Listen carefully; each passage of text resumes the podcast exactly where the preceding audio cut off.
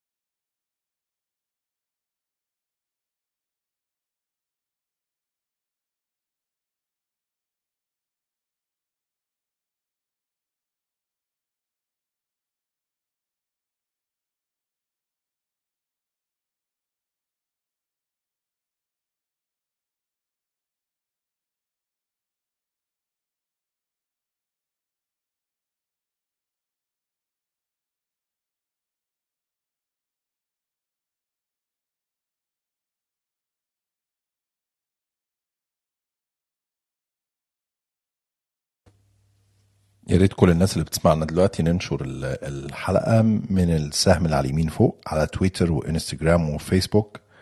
لحد ما نبدأ إن شاء الله هنبدأ في خلال دقيقة. دكتور توفيق خلاص يعني بس في مشكلة تقنية وهيكون موجود معانا إن شاء الله. شكرا.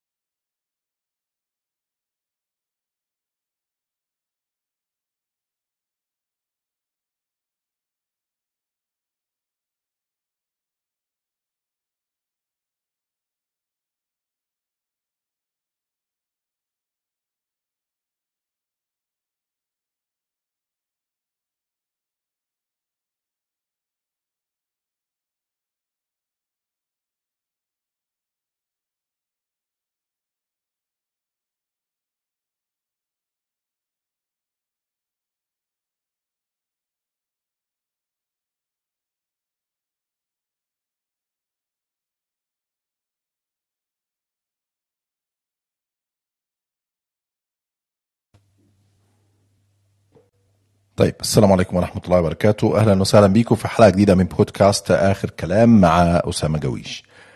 الحقيقة الحلقة النهاردة العنوان واضح زيارة بايدن للسعودية والدور المصري لكن القصة الحقيقة كل يوم بيكون فيها مستجدات. يعني إحنا من ساعتين تقريبا أو أكتر ولي العهد السعودي محمد بن سلمان بيزور القاهرة بيستقبله عبد الفتاح السيسي وبدكتور توفيق موجود معانا. أنا بعت لحضرتك دعوة. لو تقبلها تكون موجود معانا على المنصة. أهلا وسهلا دكتور.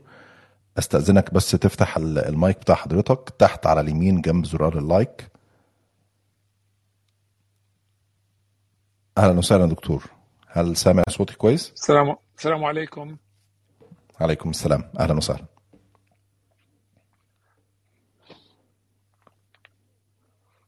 آه، دكتور سامعني كويس؟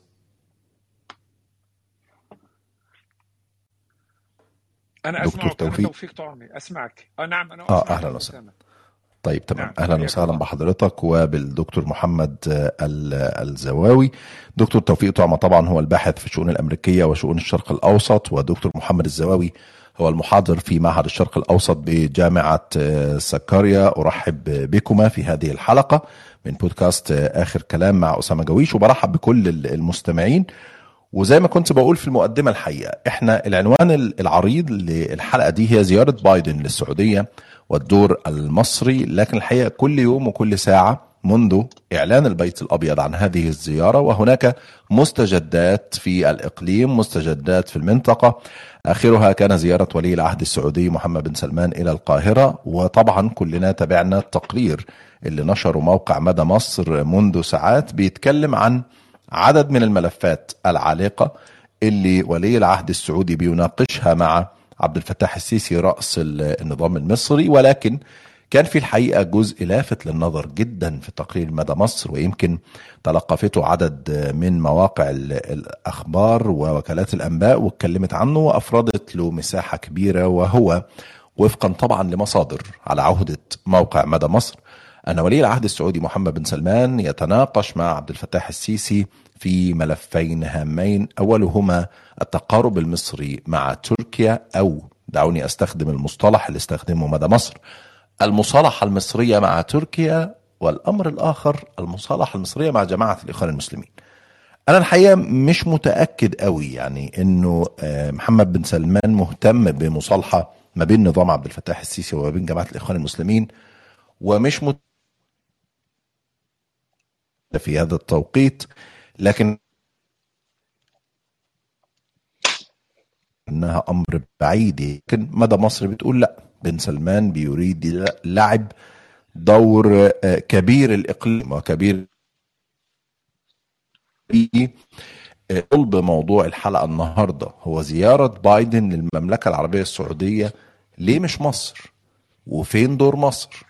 ولو فعلا في نية أو ضغوط أمريكية على الإدارة السعودية من أجل آه، تقارب مصري تركي أو مصالحة مصرية مع جماعة الإخوان المسلمين لماذا لا يكون التواصل مباشرة بين الإدارة الأمريكية وبين النظام المصري؟ لماذا يكون عن طريق وسيط هو ولي العهد آه، السعودي؟ أسئلة كتير الحقيقة عن الموضوع ده، عن زيارة بايدن، عن تغير الموقف الأمريكي من المملكة العربية السعودية اللي وصفها بايدن قبل ذلك أنها نظام منبوذ وتجاهل على مدار أشهر آه، محمد بن سلمان آه، آه، بعد تورطه في مقتل الصحفي جمال خاشقجي.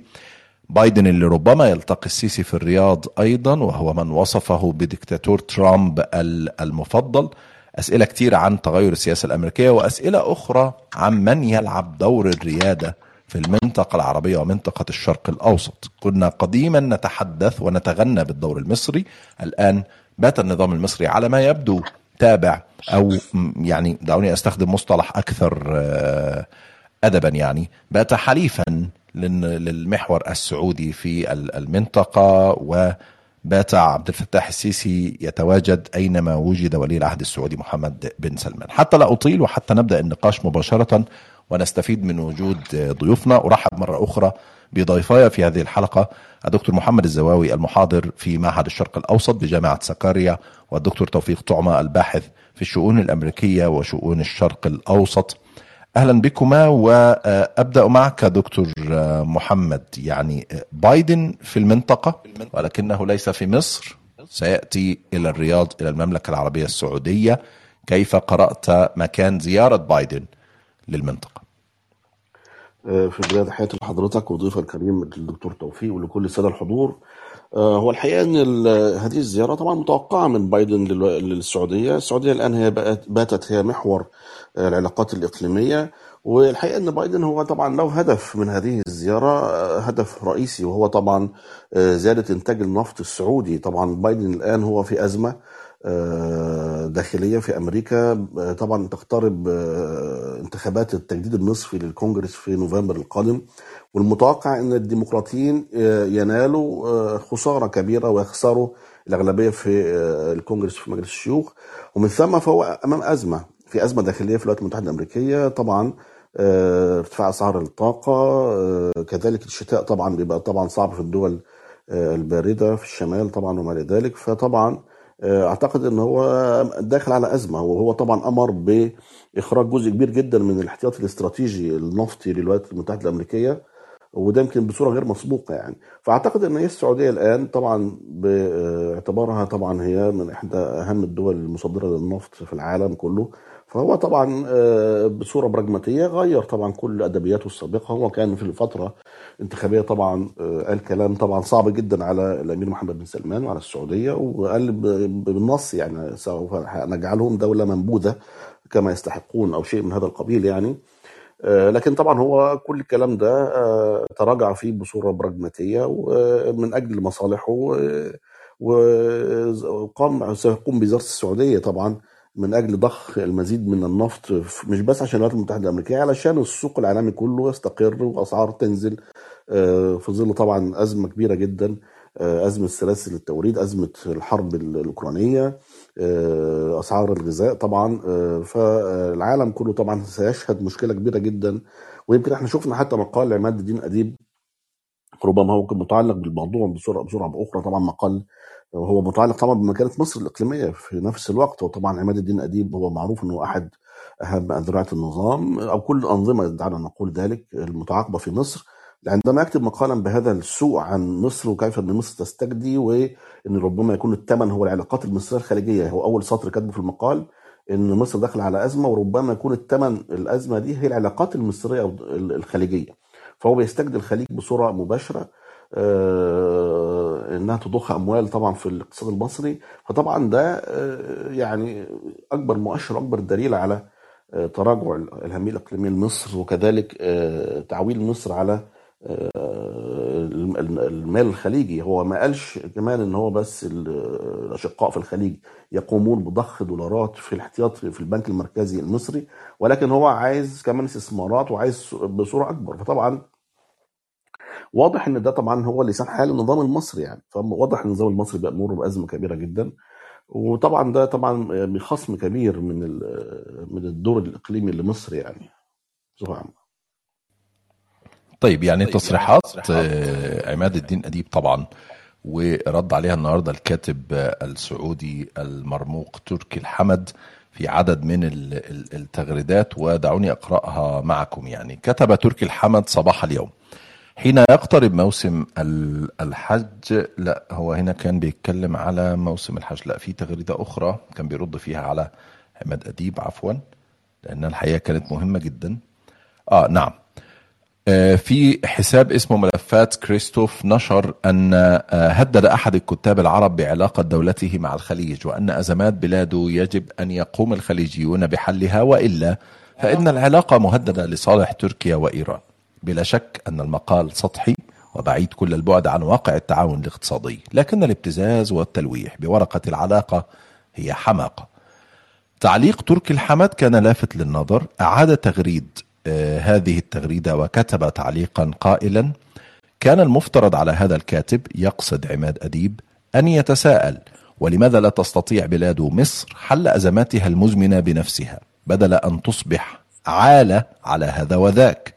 وهو حقيقة يهين مصر حين يجعلها تبحث عن راع خليجي أو إيراني أو تركي بدلا أن تكون هي الراعية كما كانت في زمن مضى إذ لا ينقصها شيء مما لدى تركيا وإيران والخليج. دكتور توفيق في الحقيقة هذا المحور من لديه الريادة الآن في العالم العربي؟ المملكة العربية السعودية بأموالها ونفطها والمكانة التي يفترض أن محمد بن سلمان ولي العهد أوصلها إليها أم النظام المصري برئاسة السيسي؟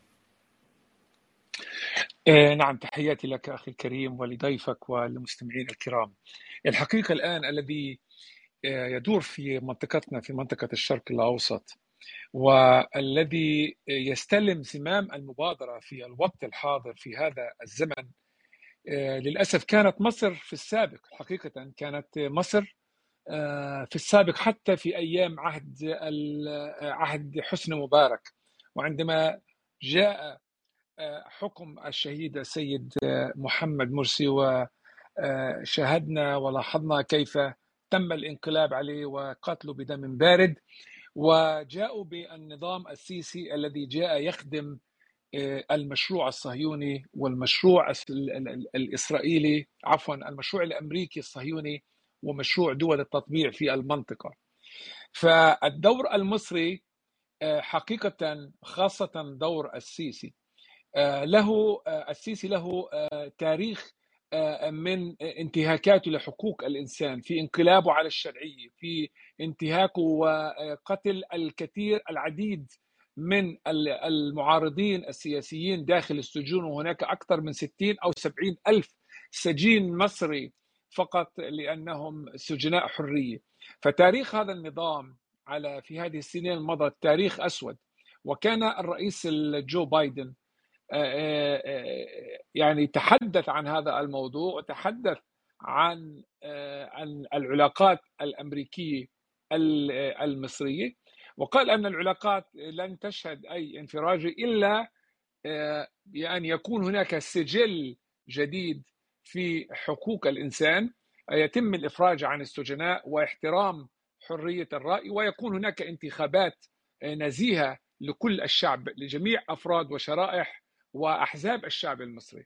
لكن حتى هذا الآن حتى هذه اللحظة لم يحدث أي شيء في مصر. ما زال يحكم بالحديد وما زال يحكم بالنار. فلذلك والدور المصري كون أن مصر أن السيسي استلم الحكم بانقلاب وهذا ما تم في يعني المجتمع الدولي لم يقبل هذا بشكل مباشر. فتم تهميش الدور السيسي ومن ثم تم تهميش الدور الدور المصري بشكل كامل. فجاءت السعودية المملكة العربية السعودية التي الآن تملك النفط وتملك التأثير على الرأي العالم العربي الإسلامي السني بشكل خاص العالم السني. وأصبحت المملكة العربية السعودية هي الدولة الرائدة في المنطقة. نرى أن يعني في اجتماع مجلس التعاون الخليجي الشهر القادم سيكون هناك ستكون هناك الأردن ومصر والعراق. هذا يدل وجود مصر في وجود السيسي في هذا الاجتماع يدل على أن السيسي يقبل أو يعني يقبل بالأجندة الأمريكية اللي جاي فيها الرئيس بايدن. طبعا هناك أجندة طبعا أجندة يعني هناك أجندة مخفية هناك أمور يتحدثون بها بشكل عام لكن هناك برامج وهناك تحالف يحدث الآن. فبالتالي أرى أن السعودية هي التي تملك الآن زمام المبادرة. ونرى أن أن الرئيس بايدن لم يذهب إلى مصر فهو يذهب إلى المملكة العربية السعودية. اولا سيذهب إلى دولة الكيان الصهيوني ومن بعدها سي, سي يعني يذهب سيغادر إلى السعودية والحقيقة هو سيغادر بالطائرة فوق الأراضي السعودية من دولة الكيان الصهيوني وهذه لأول مرة أي رئيس أمريكي أو أي رئيس يسافر بشكل مباشر من فلسطين إلى جدي. هذه هذا يدل على أنه هناك كأن هناك موجه تطبيع قادمه وأن تحولات قادمة ستتغير في المستقبل. ف جو بايدن لم يذهب إلى مصر فذهب إلى إلى السعودية. بعد طبعا بعد بعد دولة الكيان الصهيوني. طبعا هناك ملفات كثيرة. هناك عدة ملفات بالنسبة للإدارة الأمريكية وأيضا بالنسبة لدول التحالف. هناك الحديث الآن عن إنشاء تحالف أمني تحالف عسكري يضم دولة الكيان الصهيوني ويعني دمج الكيان الصهيوني في الوطن العربي في العالم العربي وكأن دولة الكيان الصهيوني هي دولة صديقة طب دكتور يعني عفوا على المقاطعة هناك سؤال. وهل مكان زيارة الرئيس الأمريكي دليل على قوة هذه الدولة أو ضعفها أو من يقود الإقليم؟ يعني إن كان هناك تحالف عربي واضح بين أنظمة محمد بن سلمان ومحمد بن زايد في الإمارات وعبد الفتاح السيسي في مصر فهل يعني الأمر كثيرا إذا ما زار بايدن أبو ظبي أو القاهرة أو الرياض والتقى بثلاثتهم مرة واحدة؟ يعني هل هناك وزن نسبي لمكان الزيارة؟ يعني الحقيقة كما قلت أخي الكريم يعني بالنسبة للمملكة العربية السعودية هي دولة مركزية في الشرق الأوسط ومعظم دول الخليج تتبع يعني الإمارات مثلا البحرين يعني هذه معظمها الدول تابعة إلى إلى إلى المملكة العربية السعودية. فتأتي أهميتها من هذا وأيضا البترول والاقتصاد وأيضا هناك عدة مسائل ملفات ما زالت يعني ما زالت على أجندة الرئيس الأمريكي بايدن للتباحث مع مع السعودية خاصة فيما يتعلق في الملف النووي الإيراني وكما قلت سابقا عن إنشاء حلف حلف إقليمي يضم إسرائيل ومصر والعراق و والأردن والسعودية والبحرين والإمارات. وقد يكون هناك أيضا السودان والمغرب ودول أخرى. فايضا يعني هناك عدة ملفات بالنسبة للمملكة العربية السعودية هي مهمة جدا. مهمه جدا خاصة أيضا التطبيع لأنه الآن هناك اتفاقيات وقعت بين الكيان الصهيوني طيب وبين أنا أنا ساتي للملفات يا دكتور. يعني سنعود لفكرة ملفات الزيارة وأبرز النقاط اللي سيتحدث عنها بايدن. ولكن دكتور محمد فكرة أن السعودية الآن لديها الريادة بحكم النفط بحكم أمور أخرى ألا يمتلك نظام السيسي أي أوراق قوة إقليمية تجعل منه قائدا لهذه المنطقة أو له دور الريادة الذي يجعل الرئيس الأمريكي يأتي للقاهرة ولا يذهب إلى الرياض؟ هو مع الأسف الشديد طبعا الآن مصر بينظر ينظر إليها إنها بتلعب دور وظيفي الآن. يعني الآن مصر آه، في معظم الملفات الإقليمية هي مصر لا تقود ولكن تنقاد وده شيء طبعا مؤسف. إحنا كمصريين نقول الكلام ده. في الملف الليبي مصر بالرغم الجوار وبرغم الجيش المصري القوي وبرغم قرب القواعد العسكرية كان صاحبة القرار كانت الإمارات مع كل الأسف يعني. كانت هي اللي بتقوم بعمل الخطط واماكن الضرب وهي اللي بتقوم بتتدخل في العملية السياسية الداخلية. آه، ومن ثم في مصر الآن بينظر إليها إنها لا تستطيع أن تقود باعتبارات لاعتبارات كثيرة. أهمها في وجهة نظري هو آه، عدم التماسك المجتمعي نفسه. يعني الدولة المصرية نفسها آه، عندها أزمة داخلية. فكيف يمكن أن ينظر لدولة عندها أزمة داخلية عندها أزمة شرعية في النظام السياسي؟ ما فيش انتخابات ما فيش أحزاب. الكلام ده ممكن يقال على السعودية لكن السعودية هناك توافق مجتمعي على نظام الحكم الملكي بصفة عامة. لكن مصر لديها أزمة حقيقية أزمة داخلية حقيقية ومن ثم فلا يمكن ابدا أن ينظر إلى دولة لديها مشاكل متعلقة بثبات النظام واستمراره وحتى رضاء الشعب عنه على أنها دولة يمكن أن تقود. ومن ثم فهذا هو الوضع إن أمريكا الآن حتى عندما قامت مصر باستضافة يعني منتدى الشرق المتوسط للغاز وما إلى ذلك وأرادت أن تقوم بدور الريادة في ذلك للأسف الشديد كان هذا كله يعمل لصالح إسرائيل نفسها. لم حتى طيب لكن دكتور يعني هذه هذه الدولة الغير مستقرة العالم كله سيأتي إليها في نوفمبر القادم في قمة المناخ السابعة والعشرين. يعني إزاي النظام مش مستقر وكل دول العالم وزعماء العالم وربما يكون فيهم بايدن هيروحوا شرم الشيخ في نوفمبر القادم. يعني أعتقد القمه المناخ ما هو كان في قمة قبل كده كتيرة في في شرم الشيخ لكن يعني مصر فيما يتعلق ب يعني هو زيارة بايدن بايدن أو زيارة الرئيس الأمريكي لها دلالة رمزية. على أن هذه الدولة هي قائده العالم العالم الإسلامي، يعني عندما ترامب زار السعودية كان ذلك بمثابه اعتراف بالسعودية ك كزعيمة العالم الإسلامي، وعندما زار كذلك مصر أوباما فهذه كانت زيارة رمزية باعتبار إنه كان أول زيارة رئيس أمريكي خارج أو داخل العالم الإسلامي فهي لها رمزية كبيرة جدا غير المؤتمرات التي متعلقة بالمناخ ومتعلقه بأشياء أخرى هامشية يعني. مصر عقدت كثير من المؤتمرات الدولية فيما يتعلق بجلب الاستثمارات وما إلى ذلك.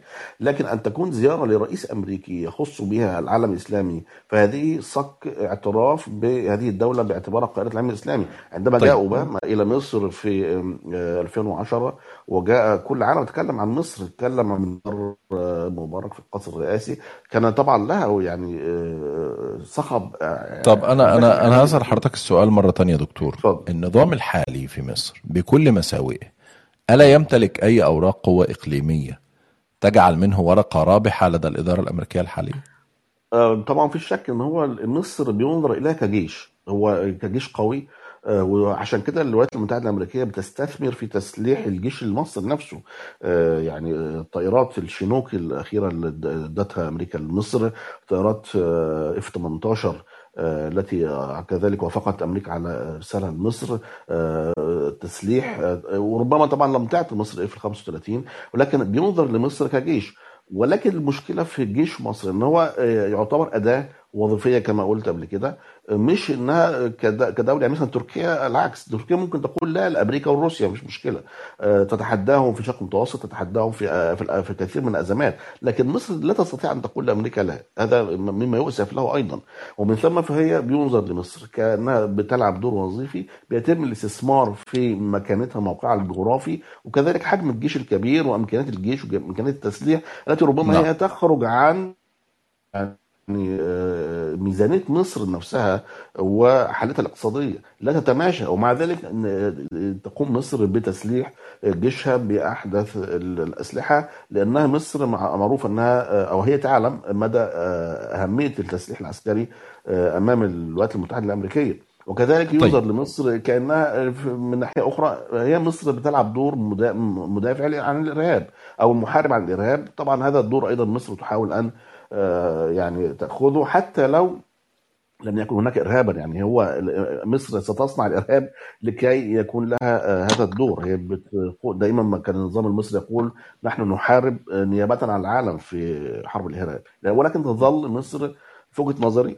بتلعب دور وظيفي لا يرقى إلى أن تكون قائدة حتى على المستوى الإقليمي مع الأسف الشديد. يعني جميل. خليني أرجع لدكتور توفيق مرة ثانية دكتور توفيق في صفحة الرأي في صحيفة فاينانشال تايمز البريطانية جنان غانيش وهو كاتب بريطاني كتب مقالا بعنوان جو بايدن محق في الذهاب إلى المملكة العربية السعودية قال أن معارضة كثير من التقدميين واليساريين في الولايات المتحدة للرئيس السابق دونالد ترامب جعلتهم يتخذون موقفا متشددا من العديد من سياساته ومن بينها تقاربه مع السعودية.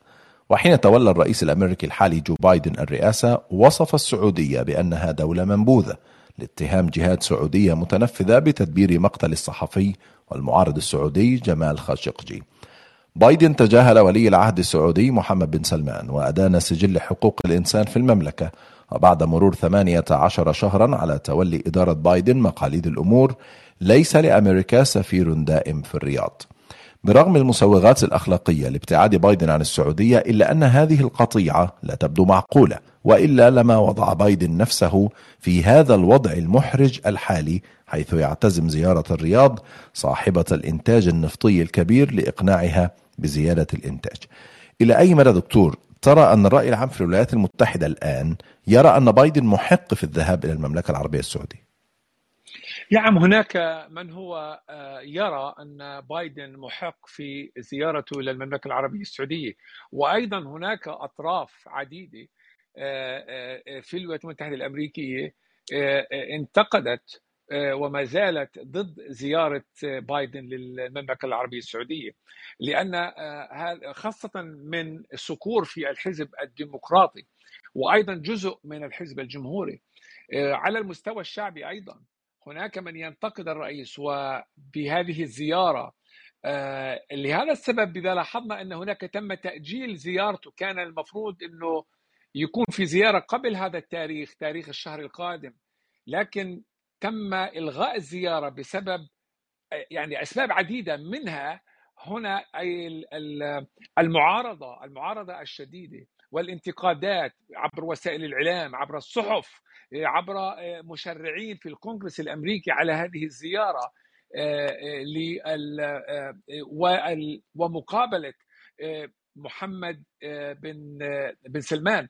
فلكن وحتى أن المتحدث باسم البيت الأبيض يعني تحدث قال أن هو لن تكون هناك لقاء ثنائي بين محمد بن سلمان وجو بايدن بل سيكون هناك اجتماع موسع. يعني اللقاء سيكون من خلال اجتماع موسع حتى لا يعطي أهمية لمحمد بن سلمان. لكن الحقيقة السعودية في ورطة. محمد بن سلمان يريد شرعية. يريد من بايدن الاعتراف في إنه الآن هو كالوريث بعد وفاة أبوه إنه يكون هو ملك البلاد. يريد تسويقه في المجتمع الدولي لأن محمد بن سلمان لحد الآن مقاطع. من يعني من المجتمع الدولي بسبب مسؤوليته عن قتل المرحوم جمال خاشقجي. وأيضا هناك ملفات أخرى أن المملكة العربية الولايات المتحدة الأمريكية بدأت بالانسحاب من منطقة الشرق الأوسط. ولاحظنا حتى في عهد باي باي ترامب لما عندما انسحب وقال إنه سحب بعض الصواريخ الباتريوت وأيضا السعودية أصبحت تتلقى الضربات من الحوثيين والصواريخ تضرب في كل مكان وليس ولا يوجد أي غطاء أمريكي لمنع هذه الصواريخ. فالسعودية بحاجة إلى أمن والآن تلجأ إلى إلى إلى الإدارة الأمريكية. في هذا أحد الشروط انه يكون هناك في تغطيه يكون هناك في شبكة حماية للمملكة العربية السعودية من الخطر الإيراني النووي الإيراني ومن الحوثيين من الجنوب. ف لا. وبالنسبة لبايدن هناك بالنسبة لبايدن يريد تحقيق شيئا ما إنه الآن زي ما تفضل أخي الكريم أن الاقتصاد الأمريكي الآن يمر في أزمة. الأسعار الطاقة أسعار البنزين وصلت إلى أرقام قياسية. أسعار السلع المأكولات كل شيء الآن ارتفع. وهنا نسبة التضخم أصبحت نسبة عالية والآن مع ارتفاع نسبة الفائدة رفعوها إلى تقريبا ثلاث نقط.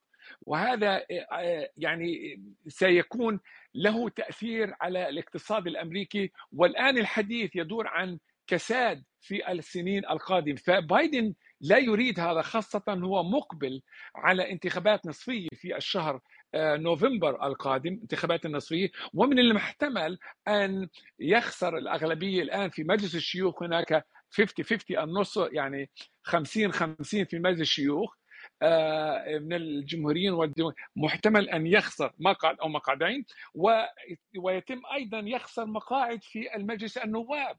فلذلك بالنسبة له الانتخابات مهمه جدا هذه الرحلة. مهمه جدا أن يطلب من المملكة العربية السعودية أن زيادة في ضخ البترول. وكانت هناك أيضا زيادة ل 200 ألف. أعتقد دول الأوبك رفعت من إنتاج البترول 200 ألف برميل يوميا. لكن هذا لا يؤثر على الاقتصاد الأمريكي. حتى لو رفعت مليون برميل في اليوم المملكة العربية السعودية لن تؤثر. يعني هل هذا الشيء الكبير على ال...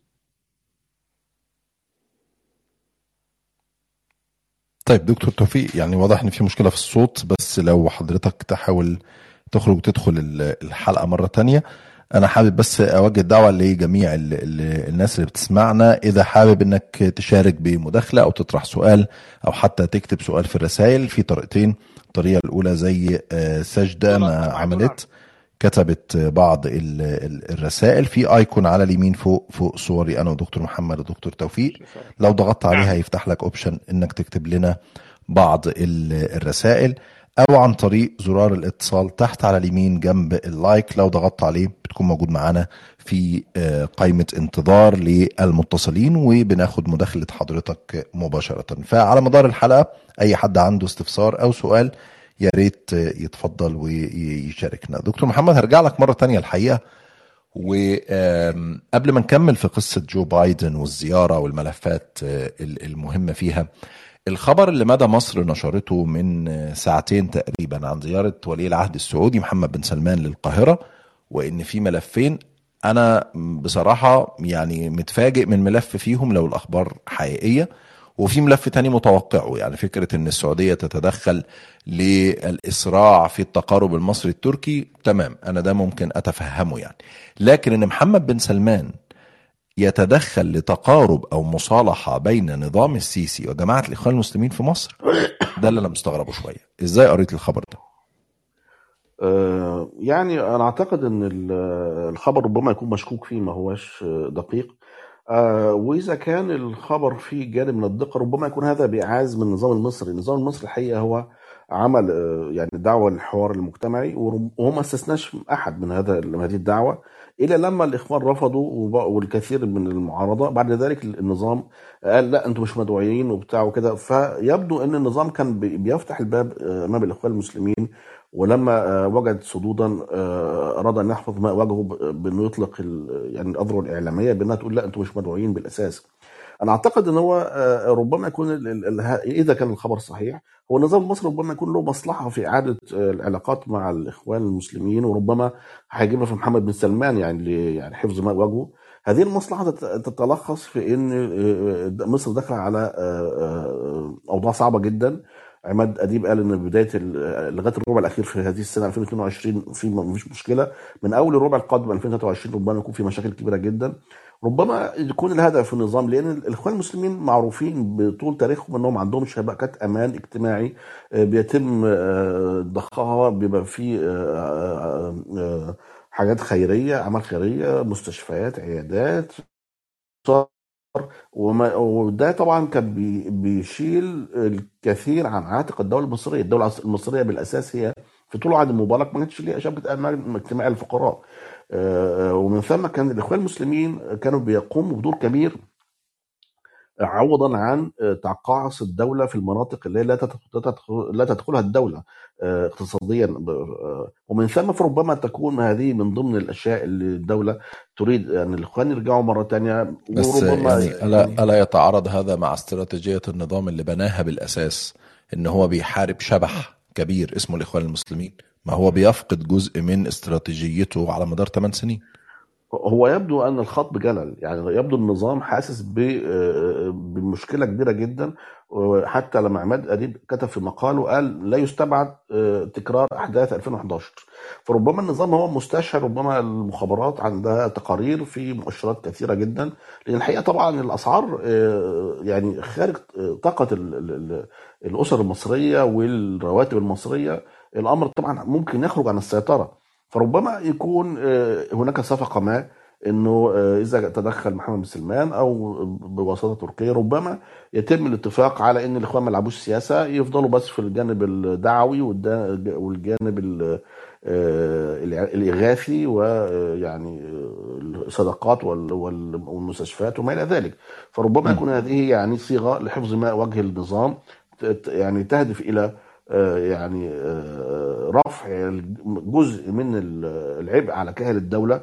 وعلى فكرة أنا أعتقد إن النظام هو الآن بدعوته للحوار المجتمعي هو يريد أن آه، آه، يحمل جميع الأطراف المسؤولية. لأن هو طبعا هو الجيش هو كان متحمل المسؤوليه من أول 2013 وأعتقد ان الآن ال- سمعة الجيش أصبحت في تدني كبير جدا لا سيما بعد آه، تدخله في الاقتصاد ومنافسته للتجار ومنافسته للشركات الصغيرة وما إلى ذلك. طيب دكتور خليني آه خليني اقطع حضرتك هنا بس وأرجع لدكتور توفيق في النقطة دي. دكتور فكرة لو صح خبر مدى مصر أن هناك نية من محمد بن سلمان بالضغط على السيسي لمصالحة مع الإخوان المسلمين هل تعتقد أن هذا جاء بإيعاز أو ضغط من إدارة بايدن؟ يعني ال- الولايات المتحدة تريد تسوية الخلاف داخل مصر ومن ثم استقرار أكبر للبلاد ولا لأ؟ ده ربما يكون برغبة النظام المصري نفسه زي ما قال دكتور محمد.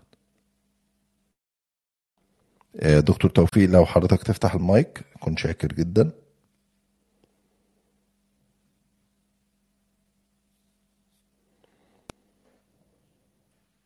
نعم عفوا نعم. آه نعم آه، كما آه، كما قلت يعني هنا ممكن نجاوب يكون في جوابين لهذا السؤال. الس- الجواب الأول هل فعلا محمد بن سلمان يريد دمج الإخوان المسلمين في المنطقة؟ أنا أستبعد ذلك لأنه هو لأن بالنسبة لمحمد بن سلمان وبالنسبة للأنظمة والنظام السيسي والأنظمة العربية بشكل بشكل عام رأس الحرب هم الإخوان المسلمين. ولاحظنا لس- لسنين عديدة والإخوان المسلمين مطاردين ملاحقين آه، في السجون في التعذيب. فلا أعتقد أن أي نظام عربي يريد قبول الإخوان المسلمين كجزء من المؤسسة ال- ال-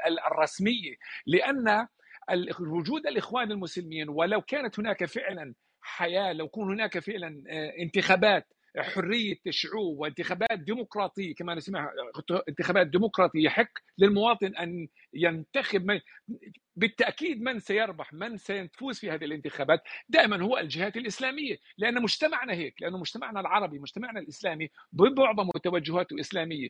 وبالتالي نرى أن الذي أرى أن محمد بن سلمان آخر من يريد دمج الإخوان المسلمين في المنطقة أو الضغط على السيسي لقبول الإخوان المسلمين لعودة الإخوان المسلمين إلى الحياة السياسية في مصر. فأنا هذا بالحقيقة هذا أمر مستبعد. قد يكون هناك ضغوطات الجواب الثاني قد تكون هناك ضغوطات من الإدارة الأمريكية أنه لدمج الإخوان المسلمين في المنطقة لا يمكن تجاهل الإخوان المسلمين الإخوان المسلمين موجودين في كل مكان ولا يمكن تجاهل لا يمكن أن يكون هناك استقرار في الأنظمة في الدول العربية في مصر أو في السعودية من دون دمج الإخوان المسلمين في الحياة السياسية. يجب أن يكونوا نظام يجب جزء من النظام. يعني تجاهل الإخوان المسلمين تجاهلهم بهذه الطريقة اللي قامت فيها بالسعودية والسجناء مليان السجون السعودية منهم وال وال والسجون المصرية. ناهيك طبعا عن المضايقات وفي في دول عربية كثيرة للاخوان المسلمين. هذا لن لن يحقق أي نوع من الاستقرار لهذه الأنظمة ال- ال- الأنظمة العربية. فبالتالي آه، ال- الولايات المتحدة الأمريكية تريد استقرار في المنطقة تريد استقرار على جميع الجبهات لأن هناك ملفات عديدة تهم مهمة بالنسبة للإدارة الأمريكية منها الملف النووي الإيراني منها الحرب الروسية على أوكرانيا وهذا أخذ يعني آه، حيز كبير من الوقت آه، والجهد للولايات المتحدة الأمريكية ضد روسيا وضد حلفائها وضد الصين. أيضا هناك الملف الصيني والنفوذ الاقتصادي في العالم فهناك ملفات كبيرة بالنسبة للإدارة الأمريكية وتريد تهدئة على بعض الملفات منها الخلاف الصراع الفلسطيني الصهيوني مثلا. أيضا هناك احترام لحقوق الإنسان لأن بايدن كانت من حملة من خلال فترة الحملة الانتخابية الانتخابية نادى بحقوق الإنسان احترام حقوق الإنسان في كل مكان وفي في مصر وفي السعودية والأردن ودول عدة.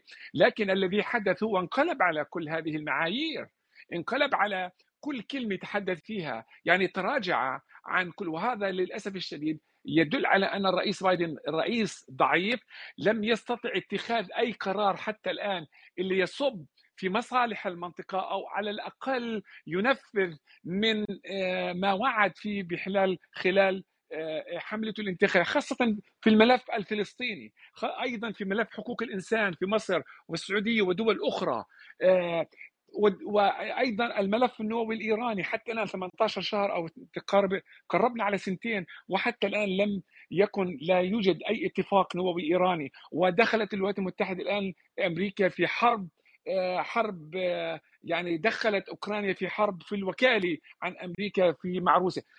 هناك أمريكا تورط نفسها الكثير. أريد تهدئة. وكما قلت أخي الكريم أن الإخوة أعود كما قلت سابقا أن الإخوان المسلمين جزء لا يتجزأ من هذه الأمة الإسلامية. وهذا وهذه وهذا حزب الإخوان لا يمكن لأي نظام أن يتجاهل ما دام في تجاهل لهذا النظام. ما دام هناك ملاحقة لن يكون هناك أي نوع من الاستقرار لا في مصر ولا في أي دولة أخرى.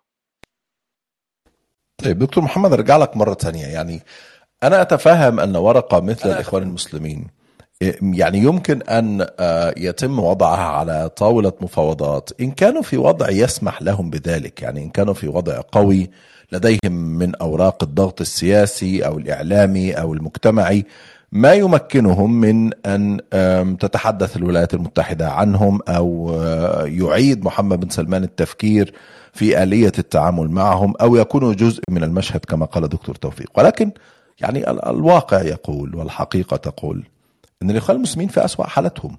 ضعف وتشرذم وانقسام ولا يوجد حتى صورة واضحة يعني أو رموز سياسيين ممكن مثلا يتقابلوا مع حكومات أو قيادات سياسية أو كده.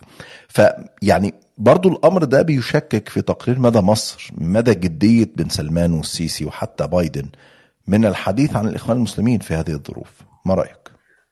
آه، هو ربما يكون هناك فرضية أخرى. هذه الفرضية تقول إن محمد بن سلمان سيخرج من مصر سيذهب إلى تركيا.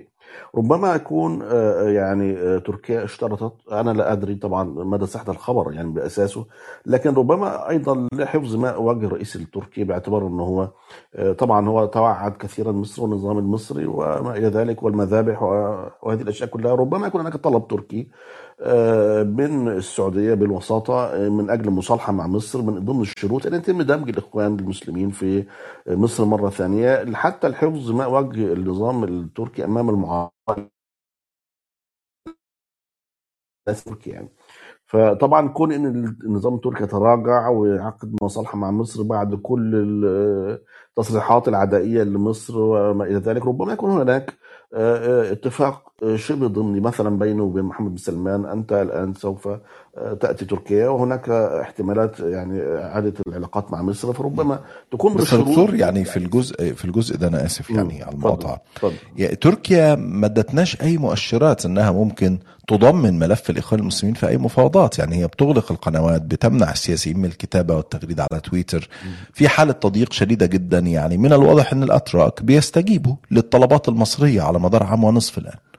آه آه ما هو ده برضو أعتقد إن هو بيصب في مش لمصلحة الإخوان المسلمين بقدر ما هو يصب في مصلحة حفظ ما وجه آه، الرئيس أردوغان نفسه آه، إن هو عايز إن هو آه، ما يظهرش أمام المعارضة إن هو تنازل تنازل كبير أمام السيسي إذا حصل مصالحة إذا حصل لقاء إذا حصل مصافحة. طبعا الناس كلها هتتكلم المعارضة على وجه الخصوص هتتكلم إزاي؟ أنت قلت ده قاتل وما إلى ذلك وانقلاب وانقلابيين وما إلى ذلك. فربما هو تكون هذه ذريعة للنظام التركي آه، يقول إن إحنا استطعنا إن إحنا آه، نحقق بعض الحقوق للناس المظلومين والضعفاء وهذا هذه المصالحة لم تكن على حساب الشعب المصري لم تكن على حساب الشرفاء وما إلى ذلك. ربما يكون ذلك. هو طبعا إحنا بنقول التفسيرات لأن إحنا ليس لدينا معلومات على وجه اليقين. ولكن ربما طبعا لمحمد سلمان هو هيجي لتركيا يوم الأربعاء يعني. نعم. فربما تكون ذلك كذلك يعني. طيب دكتور توفيق أرجع لك مرة تانية الحقيقة. محمد بن سلمان في حوار سابق مع مجلة The Atlantic الأمريكية رد بحدة على سؤال حول ما إذا كان الرئيس جو بايدن أساء فهم شيء ما عنه. فقال بن سلمان ببساطة أنا لا أهتم. الأمر يرجع له بالتفكير في مصالح أمريكا. ليس لدينا الحق في تلقينكم محاضرات في أمريكا والعكس ليس لديكم الحق بالتدخل في شؤوننا الداخلية. برأيك ما الذي يجعل محمد بن سلمان يتكلم بهذه اللهجة على عن عن جو بايدن؟ آه، يعني أن ال يعني شوف أخي الكريم يعني إذا فعلا بدنا ننظر إحنا إلى المملكة العربية السعودية وأي نظام عربي أي نظام عربي يستخدم هذه اللغة ويستخدم هذه اللهجة التصعيدية ضد أمريكا ويدرك أن أمريكا هي من توفر له الحماية وتوفر له ال- الحماية للبقاء على كرسي الحكم. فأنا لا أعتقد أن هذه هذا الحديث من محمد بن سلمان هذا حديث جدي. هذا فقط استهلاك للإعلام استهلاك استهلاك محلي. حتى يقال إنه محمد بن سلمان بطل ويستطيع أن يتحدث إلى رئيس أكبر دولي وكذا وكذا. ولكن حقيقة العكس تماما. فلا يريد التدخل محمد بن سلمان لا يريد التدخل في دولة. لا الحقيقة ال- تربط العلاقة يعني العلاقة بين الولايات المتحدة الأمريكية والسعودية تربط لأكثر من ثمان عقود هذه العلاقة. آه، ومن صاحب القرار ومن يقرر؟ هل أي نظام عربي يقرر؟ لا. الذي يقرر هي السفارات الأمريكية التي تقرر في في في في, في عواصم الدول العربية. قرارات الأنظمة العربية تأتي من السفارات الأمريكية هي التي تحكم النظام العربي. فلا نصدق أي رئيس عربي بيطلعوا بيقول بهذا الحديث التصعيدي ضد أمريكا ولا تتدخلوا في أمريكا، طب أمريكا متدخل من 80 سنة من أكثر من 8 سنين وتتدخل في بلدك وتتدخل في النظام العربي وبتغير رئيس والسي آي اي يسرح ويتجول في كل الأنظمة العربية ويستطيع أن يغير حكام ويستطيع أن آه، يعني يتدخلوا في حتى الوزراء من يكون وزير من يكون كذا في الحكم. هذا معروف في أمريكا وتاريخ أمريكا معروف في اختراقها للأنظمة العربية.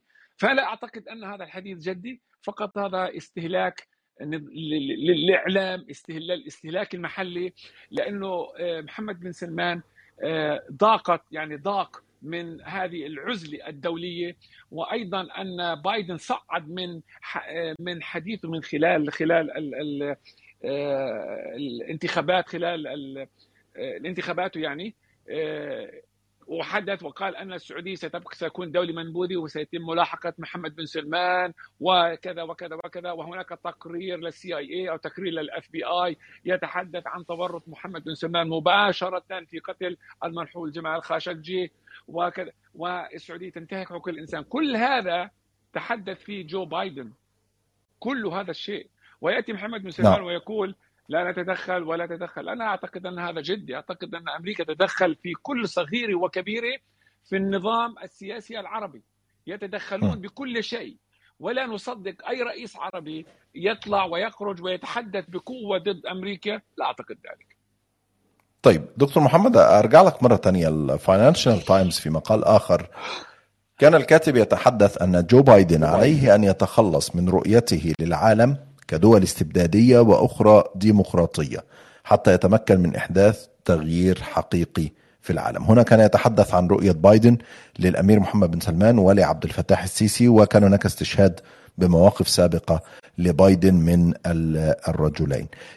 برأيك الولايات المتحدة دكتور بتنظر للعالم انه دول استبدادية وأخرى ديمقراطية ولا بتنظر للعالم على حسب مصالحها هي محتاجة إيه من أي دولة ومحتاجة إيه من الدولة الأخرى؟ هو خلينا نفرق بين مستويين داخل الولايات المتحدة الأمريكية بين أمريكا الإمبراطورية وأمريكا الجمهورية. يعني أمريكا الإمبراطورية اللي هو الجيش الأمريكي و... ومؤسسات الاستخبارات والمجمع الصناعي العسكري وهم دول اللي بياخدوا القرار ال- في الم... في المناطق الاستراتيجية. وهم المخططون الاستراتيجيون هم اللي بي... بيقوموا بتقديم التوصيات والإستشارات آه، شبه الملزمة للرئيس الأمريكي الذي في كثير من الأحوال بيكون فقط رمز يعني. أمريكا الجمهورية هي أمريكا تلك التي تتكلم عن حقوق الإنسان وعن الديمقراطية وعن حرية التعبير وعن حرية الدين وهذه الأشياء. لكن على أرض الواقع أمريكا الإمبراطورية التي تتحكم فيها أجهزة الاستخبارات والجيش والمخططون الاستراتيجيون لا ينظرون للعالم هكذا على الإطلاق. بالدليل أن كان هناك طبعا تنسيقا على المستوى بين الجيش الأمريكي والجيش المصري قبل عملية الاطاحه بالرئيس مرسي رحمه الله. إن كان في تنسيق على أعلى مستوى بين الجيشين يعني. ودي معلومات يعني من بعض الناس كانوا مدرسين هناك في الولايات المتحدة الأمريكية والتقوا ببعض القادة وقالوا إن الآن الجيش المصري سوف يتحرك يعني. وحتى الأشياء التي أو العقوبات التي تتخذ ضد الدول الاستبدادية بتبقى كلها عقوبات شكلية حتى منع الأسلحة ومنع طيارات الأباتش عن مصر. هذه كلها تم استعادتها والآن العلاقة يعني في أحسن أحوالها الآن فيما يتعلق بالتحالف بين مصر والولايات المتحدة الأمريكية. ومن ثم فهذه يعني حتى أعتقد إن محمد بن سلمان والسيسي كلهم يعلمون هذا. وحتى محمد سلمان حتى نقل عنه أنه كان لا يرد على اتصالات بايدن في الفترة الأخيرة. يعني طبعا هذه اهانه كبيرة لبايدن. وطبعا ترامب نفسه عارف إنه حتى عندما كان يهين الحكم السعودي ويتكلم عن الملك وما إلى ذلك. الحقيقة أن السعودية أيضا لم يعني تخفي امتعاضها من هذا وكان في كثير من الكتاب حتى تركي الدخيل وكثير من الكتاب المحسوبين على النظام في المملكه العربية السعودية ثاروا على على ترامب في ذلك الوقت وقالوا سوف نسعر النفط باليورو أو بعمله أخرى غير الدولار والكثير حدث لأنهم يعلمون مدى متانه العلاقات السعودية الأمريكية على المستوى الاستراتيجي على المستوى العسكري على المستوى الاستخباراتي والرئيس يذهب ويأتي يعني. وعلى فكرة بايدن الآن هو في أضعف حالاته. يعني بايدن الآن يعتقد أنه في السنتين الأخيرتين من حكمه لن يكون يعني رئيس مؤثر باعتبار أنه سوف يخسر الغالبية في في التجديد النصف القادم يعني. ومن ثم فتلك العلاقات أو أمريكا الإمبراطورية هي التي تقوم بالتخطيط وهي التي تملي ما يسمى بعقيدة أوباما أو عقيدة جورج بوش أو غيره أو غيره. هذه الأشياء كلها أحيانا تكون حتى عكس إرادة الرئيس نفسه. يعني شفنا أوباما قال في حماته الانتخابية سأغلق جوانتانامو وساعمل وسأخل ولكن لم يفعل شيء. وكذلك بايدن قال في حماته الانتخابية الكثير عن السعودية ولم يفعل شيء. وقال كذلك لن يكون هناك شيكات على بياض لدكتاتور ترامب المفضل وهو السيسي ولم يفعل شيء كذلك يعني. فأنا أعتقد طيب أن نفرق بين هذين المستويين يعني. نعم دكتور توفيق يعني أختم معك هذا اللقاء بسؤال توقعاتك لهذه القمة يعني مخرجات تلك القمة هل يلتقي بايدن بالفعل لقاءات ثنائية مع السيسي ومع محمد بن سلمان على هامش القمة أم لا؟ نعم أعتقد أنه سيكون هناك لقاءات بين السيسي وبين بايدن وبين بعض الزعماء العرب. لكن اللي أعرفه حتى الآن حسب الإعلام المسرب وحسب ما يتحدث به البيت الأبيض أنه لن يكون هناك اجتماع ثنائي مع محمد بن سلمان وجو بايدن. سيكون اجتماع مع محمد بن سلمان من خلال اجتماع موسع مع مع القادة قادة الخليج. فهذا هذا ما ما أعتقد أنه سيحصل. أما أنه ماذا يعني شو الاوت كم المخرجات هذا الاجتماع. أعتقد أن هناك ترتيبات جديدة في المنطقة الشرق الأوسط. يتم دمج إسرائيل بشكل مباشر مع الدول العربية. هناك حلف أو هناك الحديث عن إنشاء أو تشكيل حلف إقليمي في المنطقة لمواجهة ما يسمى بالخطر الإيراني أو مواجهة إيران بالتحديد وأعتقد أن هذا هي فرصة لإسرائيل لدمجها في الوطن العربي وأيضا لدخول دول عربية على مسار التطبيع مع هذا الكيان الصهيوني. وأيضا الدول الغير مطبعة مع الاحتلال أو التي تتخذ موقف معاديا لدولة الاحتلال سيتم قد تكون في المستقبل هي جزء من هذا الحلف. أيضا الملف النووي الإيراني سيتم التأكيد للخليجيين على أن الولايات المتحدة الأمريكية لن تترك الخليجيين أمام الخطر الإيراني والصواريخ البالستيه ستوفر شبكة أمنية شبكة أمان أو شبكة أمنية للخليج دول الخليج لحماية المصالح الأمريكية والمصالح بالدرجة الأولى مصالح إسرائيل. طبعا هناك أيضا ملفات كثيرة ملفات حقوق الإنسان وأيضا بالنسبة للوضع الفلسطيني هذا الوضع الفلسطيني المهمش من قبل الإدارة الأمريكية وأيضا من قبل إسرائيل وللأسف من قبل بعض القادة الفلسطينيين. نعم أشكركما شكرا جزيلا ضيفاي في هذه الحلقة الدكتور توفيق طعمة الباحث في الشؤون الأمريكية وشؤون الشرق الأوسط والدكتور محمد الزواوي المحاضر في معهد الشرق الأوسط بجامعة سكريا شكرا جزيلا لكما. شكرا جزيلا. وأشكر كل من شاركوا. معنا في هذه الحلقة من بودكاست آخر كلام مع أسامة جويش ونلتقي بمشيئة الله الاثنين القادم الساعة 11 مساء بتوقيت القاهرة. السلام عليكم. السلام ورحمة